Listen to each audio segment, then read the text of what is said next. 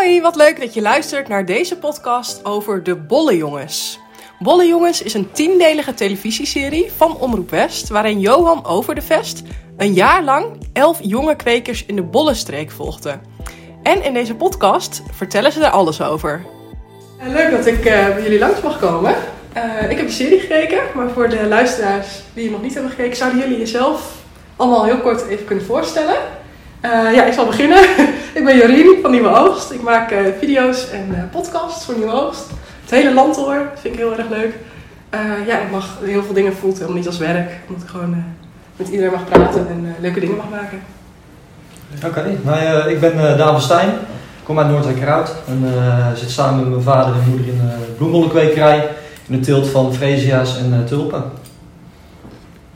Eh, ik ben Lucas van Haaster, eh, 27 jaar oud, werkzaam bij Royal Verzanten. Eh, daar ben ik verkoper van eh, ladies en eh, andere bol, eh, bolgewassen. Ik ben Tim van Haaster. Ik kom uit de Zilk. Eh, we hebben ook een bloembollenkwekerij.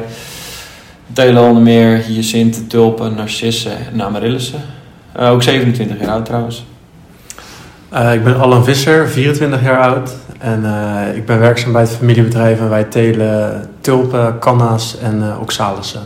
En daarnaast exporteren we ook veel zelf. En ja, ik vond de serie heel leuk omdat jullie ook jong zijn. En enthousiast en ook zeker trots. We zeiden op een gegeven moment ook van, oh, onze producten die komen eigenlijk over de hele wereld. Wat vonden jullie het zelfs het leukste om terug te zien als je die serie zo terugkeek? Nou, hetzelfde, hetzelfde vond ik eh, de dynamiek eh, wel het mooiste. Tussen, eh, vooral tussen de presentator, tussen Johan Overdevest en ons. En ook eh, dat, je, dat je uiteindelijk ziet van dat wij ook een hechtere band hebben gekregen als groep zijnde. En dat, eh, dat heeft het programma wel eh, geholpen zeg maar, eh, aan onze eh, ja, interesses, denk ik. Want jullie kennen elkaar, eh, sommigen van jullie kennen elkaar al voor de, voor de serie? Maar sommigen ook nog niet. Ja, ja. Mm, nou, Nou, ik denk dat iedereen elkaar wel kende sowieso eh, van gezicht. En ook, eh, er zaten ook wel heel veel vrienden tussen. Een paar nog, nog niet zoveel mee gesproken. Maar door die, door die serie zijn we met z'n allen inderdaad wel eh, nog dichter bij elkaar gekomen, zeg maar. En de bedrijven kennen we, kennen we zeker. Want eh, in principe, het is hier, eh, de Duinenbollenstreek is niet een heel groot eh, agrarisch gebied. Ehm, daarnaast zijn zeg maar de, de oudere generatie waar wij de opvolgers van zijn, die kennen elkaar zeker al. Ja. Weet je, ons kent ons toch wel. Ja, zeker. Ja, en, direct en indirect hebben de bedrijven of de mensen ook wel weer met elkaar te maken Ja. gehad. Ik denk dat iedereen wel handel met elkaar doet van ons. Dus dat, dat is sowieso een feit. Ja. En eh, ja, qua reacties, hebben jullie veel reacties ook van de omgeving gehad op de serie? eigenlijk juist uit de omgeving. eh, het is Ja. natuurlijk op, op TV West uitgezonden.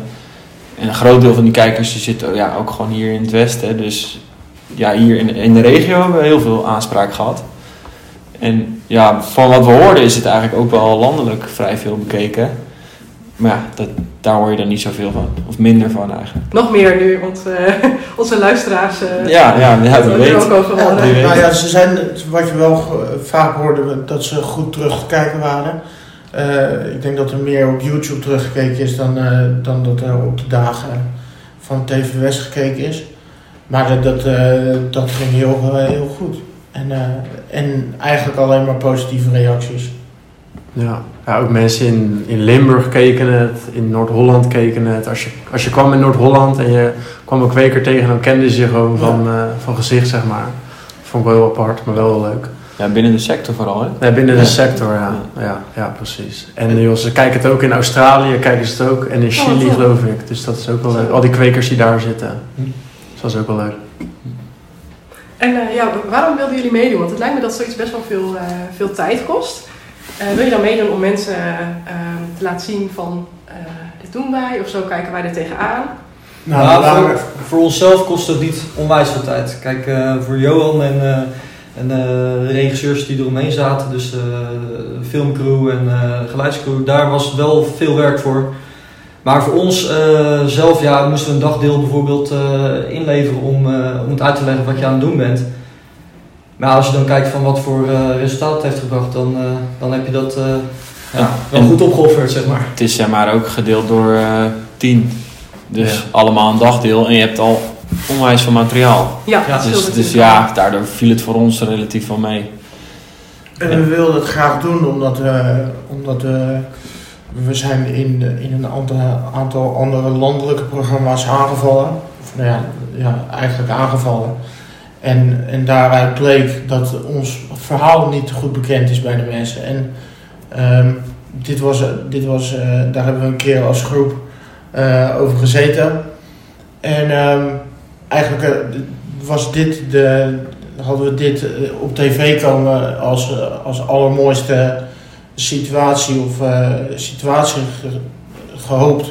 Maar ja, dat heb je niet zomaar. En eigenlijk heel, heel onverwacht kwam iemand van onze groep, kwam, eh, Johan de, regisseur tegen. En die, die had precies hetzelfde idee. En ja, dat, dat voegde eigenlijk heel, heel goed bij elkaar. Volgens mij tussen de ontmoeting met Johan en Ruben zit een maand. En toen, eh, een maand later, gingen we volgens mij eh, gingen we draaien. Want jij zei net ja, ook aangevallen in de landelijke media. Wat zijn de grootste misverstanden bijvoorbeeld? Of, of de... Dat we, dat we zeg maar, de grootste misverstand is ehm, dat we maar wat aanrommelen met middelen en eh, bescherming. En dat we maar wat aan het doen zijn met z'n allen. Dat is zeker niet de situatie. Onze, eh, onze sector heeft bewezen dat we, dat we eh, kritisch zijn op wat we gebruiken en ook, eh, ook bereid zijn om af te bouwen. Want we zijn niet met bescherming voor de lol bezig. Ehm, we doen, het kost onwijs veel en, en je krijgt er wel een. een, een, je, moet het, je moet je gebruik gewoon kunnen, per, kunnen verantwoorden en dat weten wij. Dus, ehm, en dat, eh, dat soort ge- gesprekken en onderwerpen wilden we eigenlijk ook per se eh, behandelen om het goede verhaal te vertellen. Ja, om echt die misverstanden weg te Ja, nemen. absoluut. absoluut. En dat is eh, eigenlijk waar we daar naar, onze, naar zeg maar de kwekers toe, waren we daar het meest zenuwachtig over. Van joh, hoe gaan die dat vinden? Van hoe, hoe wij dat gaan uitleggen. Nou, en daar hebben we de kwekers die wel veel gekeken hebben, hebben we eigenlijk geen onvertogen woord over gehoord. Oh, wat goed. Ja, Ja, dan dus heb je dat het, viel, eh, eh, dat viel ons eigenlijk best wel heel erg, eh, heel erg mee. Ja, Ja, we willen dan misverstanden de wereld uit helpen, zoals Lucas zegt. En dan ook gewoon mensen informeren over hoeveel werk het wel kost om die ene bol in het tuincentrum te kopen of dat bosje bloemen in de supermarkt. Dus dan mensen die niet uit de sector komen zijn vaak heel verbaasd hoeveel er nog achter gaat. Dus we willen ook een beetje begrip tonen als, als mensen ons zien rijden met een messtrooier of zo. Of, of met een, als we een haspel dicht bij hun huis zetten, dat ze weten van nou joh, dat is daarvoor, dat is daarvoor. Nou, als je dat begrijpt, dan accepteer je het ook al veel sneller. Dus dat was ook wel een doel eigenlijk. Ja, want het lijkt soms bijna wel alsof de waardering internationaal nog groter is dan vanuit je eigen land. Want internationaal, al die toeristen, die vinden het echt prachtig. En oh, Nederland met al die bloemen en zo bijzonder. En hier vinden we het eigenlijk soms, dat goed, een beetje vanzelfsprekend of zo, dat dat er is. Dat, dat wordt eigenlijk steeds meer zo. Eh, Dat zie, dat zie je zelfs al bij sommige van je klanten in Nederland. Die denken dat het product gewoon zoiets is als wat je... Al bestel je duizend iPhones, bestel ook Ja. even duizend tulpen. Nee, Ja. dat is niet zo. Het is een natuurproduct en het, is, ja, het heeft heel wat meer voet in de aarde om een goed product te produceren. Ja, En ja, het wordt steeds meer voor lief genomen van, nou, dat is er gewoon. En eh, dat, maar dat is niet zo. en, en eh, ja, bij jullie, ik proef ook altijd wel in die serie, in elke aflevering, die trots ja, op je beroep. Maar ook wel een beetje die angst van, nou, Nederland wordt steeds voller, de ruimte is beperkt. Ehm, ja, hoe kijken jullie daar tegenaan in de toekomst? Zijn jullie daar bang voor? Dat... Nou ja, uiteindelijk is het, eh, is het zo dat eh, in Nederland gewoon uiteindelijk de beste grond beschikbaar is om, om deze producten te telen. En het is wel, wel eh, wat de jongens ook zeggen, af en toe wordt het voor lief genomen van nou, die, die die groeien toch overal joh. Als, eh, als jullie wat minder land hebben, dan gaan jullie toch, ja, dan starten jullie ergens anders. Maar ehm, het is toch st- zeker de Duinenbollenstreek is echt een uniek stukje, stukje Nederland. En zeker voor deze producten is het gewoon ehm, ja, de, de, de- de- eigenlijk het allerbeste wat je kan hebben. En daarnaast is het is een van de doelen ook van de serie geweest om ook de politiek en eh, de mensen eh, te laten realiseren van, eh, dat wij die ruimte ook nodig hebben om, om zo'n product te kunnen telen. En dat, eh, ja, dat hopen we hiermee wel te, mee te bereiken. Ja, dat ze doorhebben dat het, dat het toch niet in een fabriek groeit. Ja, dat, dat, dat wij er ook mee, meer mee betrokken worden. Van, eh, als Ja. er beslissingen over onze ruimte worden gemaakt, laat ons er ook in mee beslissen. Dan kunnen wij ook met, een, eh, met, een, ja, met ons ideeën overkomen. Dan kunnen we kunnen we tot een compromis misschien wel komen. Ja, maar dat lukt ook nu.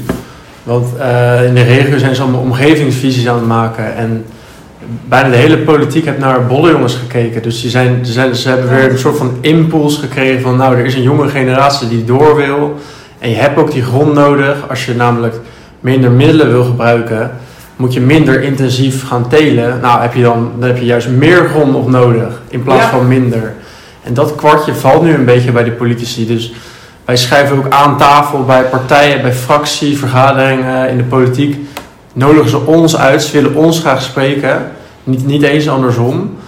En eh, ja, nu realiseren ze zich een beetje van, joh, ja, ze hebben het inderdaad echt nodig en er is toekomst. En dat is Ja. wel heel, heel leuk om te zien. Ja, voor- vooral dat, eh, dat tweede, dat er toekomst is. Want ze dachten ook wel eens van, dit is gewoon een vak eh, waar alleen maar eh, 50-plussers in bezig zijn en eh, over eh 30 jaar is het klaar, bij wijze Ja. van. Maar dat is natuurlijk helemaal niet zo. eh, De, onze groep alleen al, kijk, de serie hebben we met 10 gemaakt, maar onze groep alleen al bestaat uit iets van 100 man. ja, meer dan 100 man hier uit alleen deze regio, eh, soort van, voornamelijk. Dus dat is best wel, eh, er zit best ook nog wel wat, wat jong bloed, zeg maar, in de streek. Dus, Ja. ja. Ja, want jullie zijn ook allemaal al echt, sinds je, jullie best wel jong zijn, echt weten jullie al wat je wil. Is het ook echt een ehm, nou ja, vak dat van familie op familie overgaat? Over het algemeen wel, ja. Dat, Dus, ja, meestal, de meeste bedrijven, 9 van 10 bedrijven zijn wel familiebedrijven in de bollensector. Het is, en dat, dat eh, wordt ook vaak gezegd dat het heel lastig is om in de sector iets op te zetten van buitenaf. Het wordt wel gedaan, maar het is wel heel lastig omdat je vaak ook heel veel kapitaal nodig hebt. Ja. Zeker als kweker zijnde. Ja, er zit heel veel land, heel veel emotionele waarde ook, zit er ook in het bedrijf. Ja, en dat staan de meeste bedrijven niet graag af aan een andere iemand van buitenaf. maar als ik dan ja, naar mijn eigen achtergrond kijk, ik had wel een keuze. Het is niet zo van, dus weet erover, eh, jij gaat nu de zaak in. Nee hoor, echt niet. Je mocht echt wel er- ergens anders kijken en ja, mocht je de zaak leuk vinden, dan kan je er altijd in. En anders niet. Maar misschien krijg je toch iets meer die liefde mee of zo voor Ja, dat voor zeker vak, weten. Dat zeker je erover weten. hoort en omdat Ja. je ziet hoe, eh, ja, hoe bijzonder het is. Ja, Ja. klopt. Ja, dat is bij ons niet anders. Dat, eh, dat zal je overal wel, wel, wel hebben, denk ik. Maar bij ons, eh joh, we lopen er sinds onze... We zaten nog op schoot bij, bij pa op de heftruck. Ja, dan ben je vanaf je vijfde, dan loop je er dan. Dus ja, kijk, en het wordt, eh, zeg maar, vanaf je achttiende wordt het een beetje serieus dat je ook eh, meekrijgt van hoeveel zorg het er met zich meebrengt. Of eh, eh, hoe het geld verdiend wordt. Dat- Ja. Dat krijg je dan een beetje mee. En dan, ja, dan, dan, eh, dan hoor je er wel of niet in.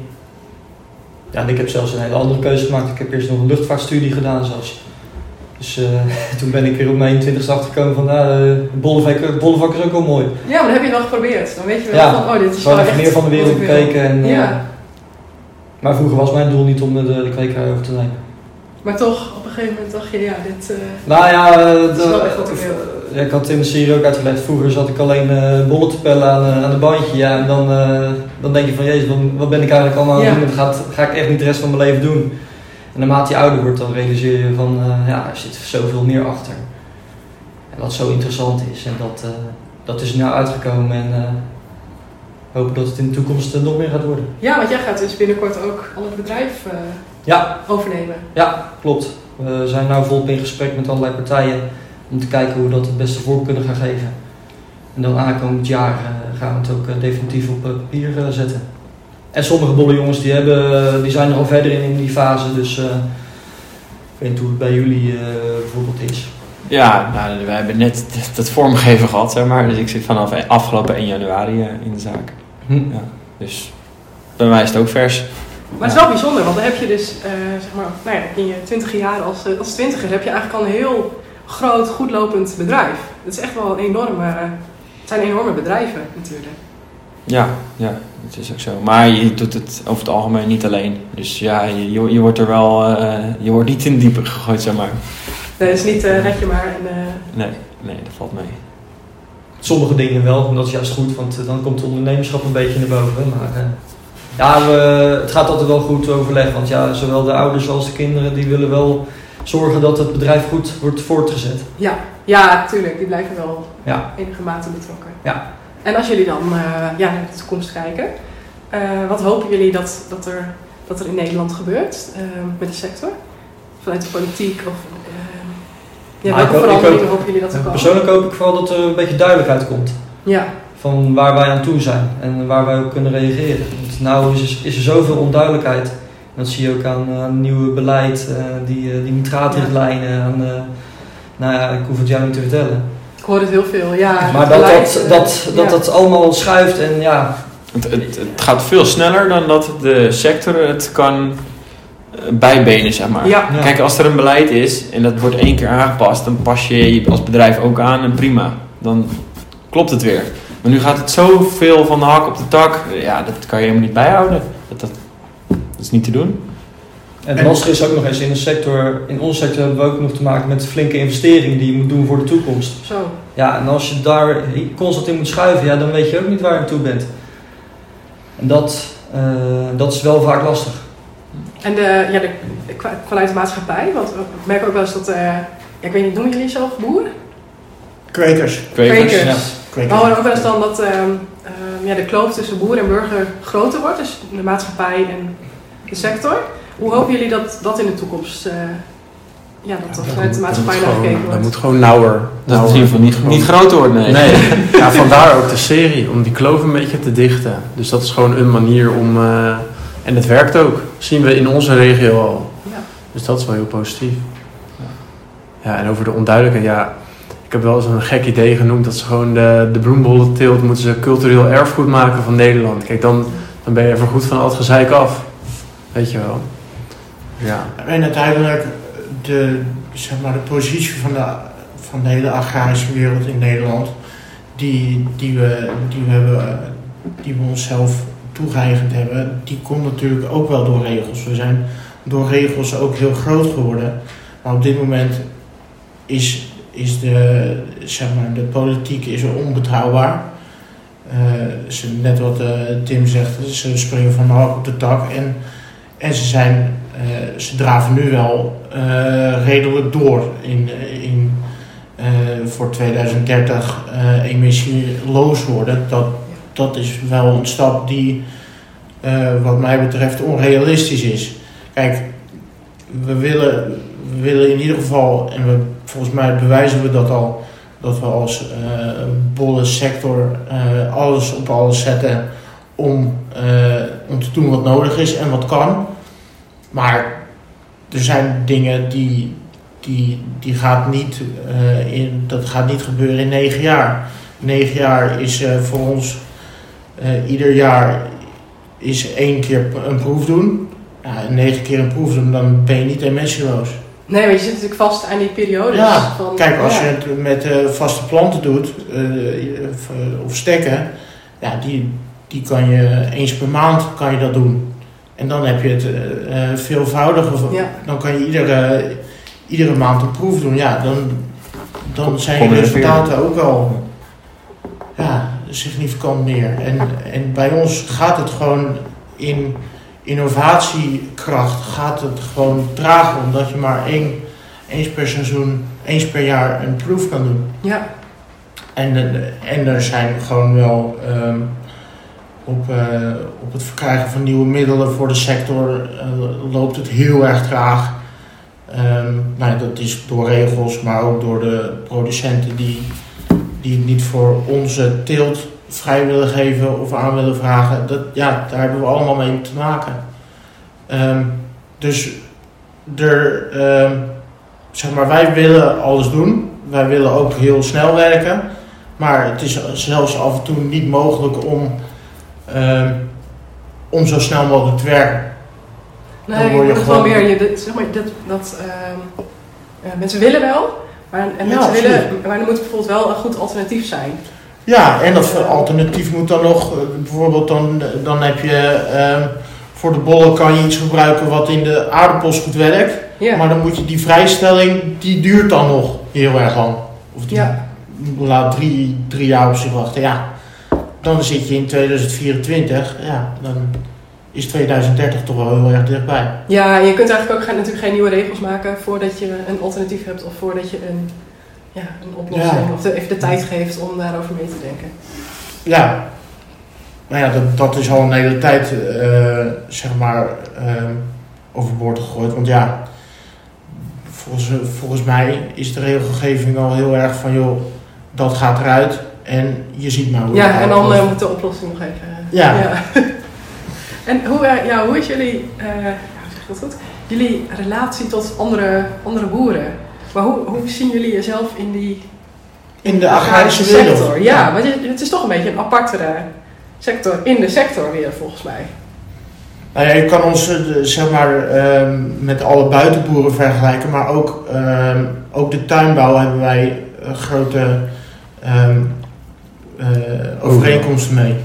Ja. En ehm, dat, dus we voelen ons wel aanverwant aan eigenlijk ehm, de plantaardige en eh, voedselproducerende bedrijven.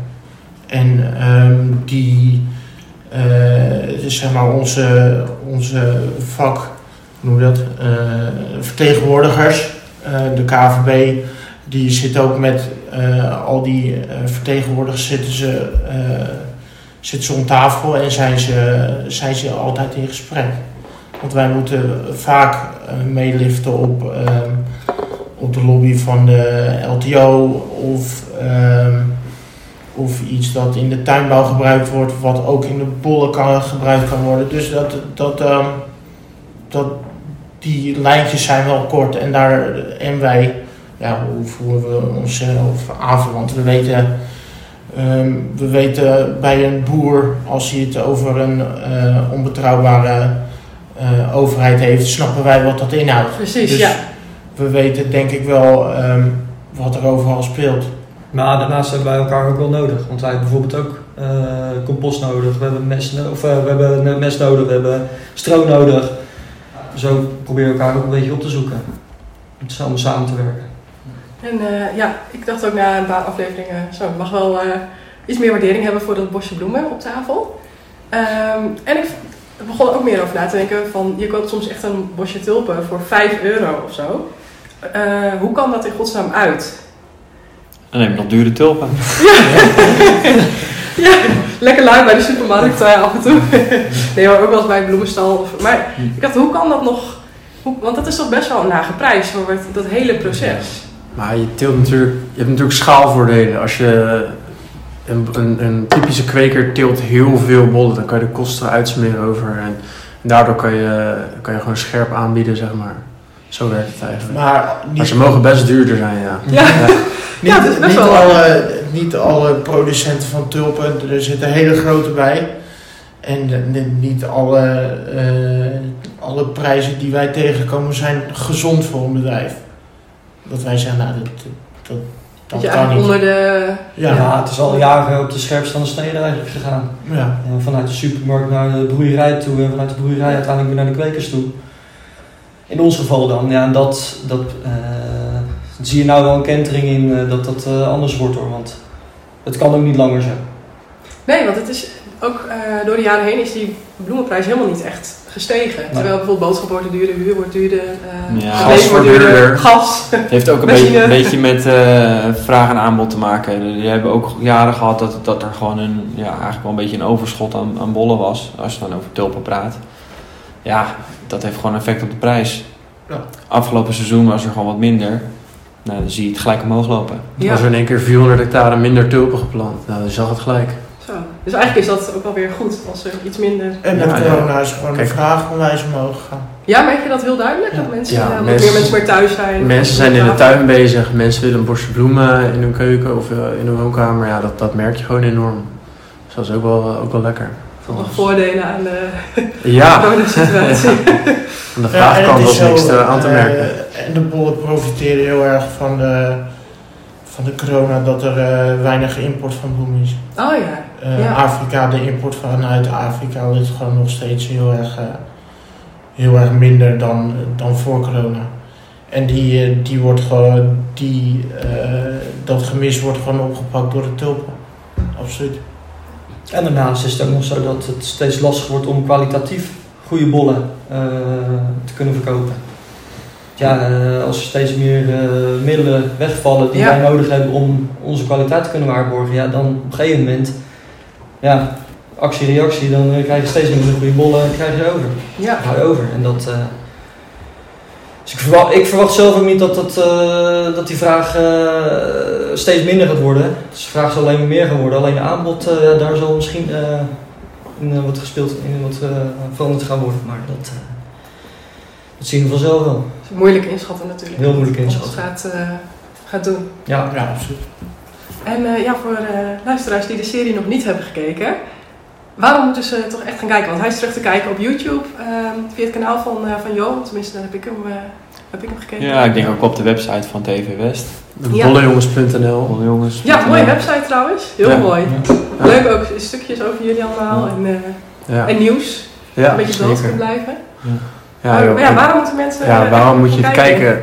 Nou, wil jij nou weten wat er voor jaarwerksgeld achter de- dat zakje bollen wat je koopt of, die, of de borstje bloemen in de supermarkt? En wil jij zien hoe gewoon elf eh, jonge ondernemers hun, hun visie en hun innovativiteit laten zien?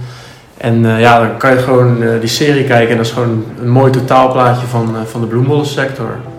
Op een eh, presenteerblaadje aangediend. Heb je de serie nog niet gezien? Ga dan snel naar www.bollejongens.nl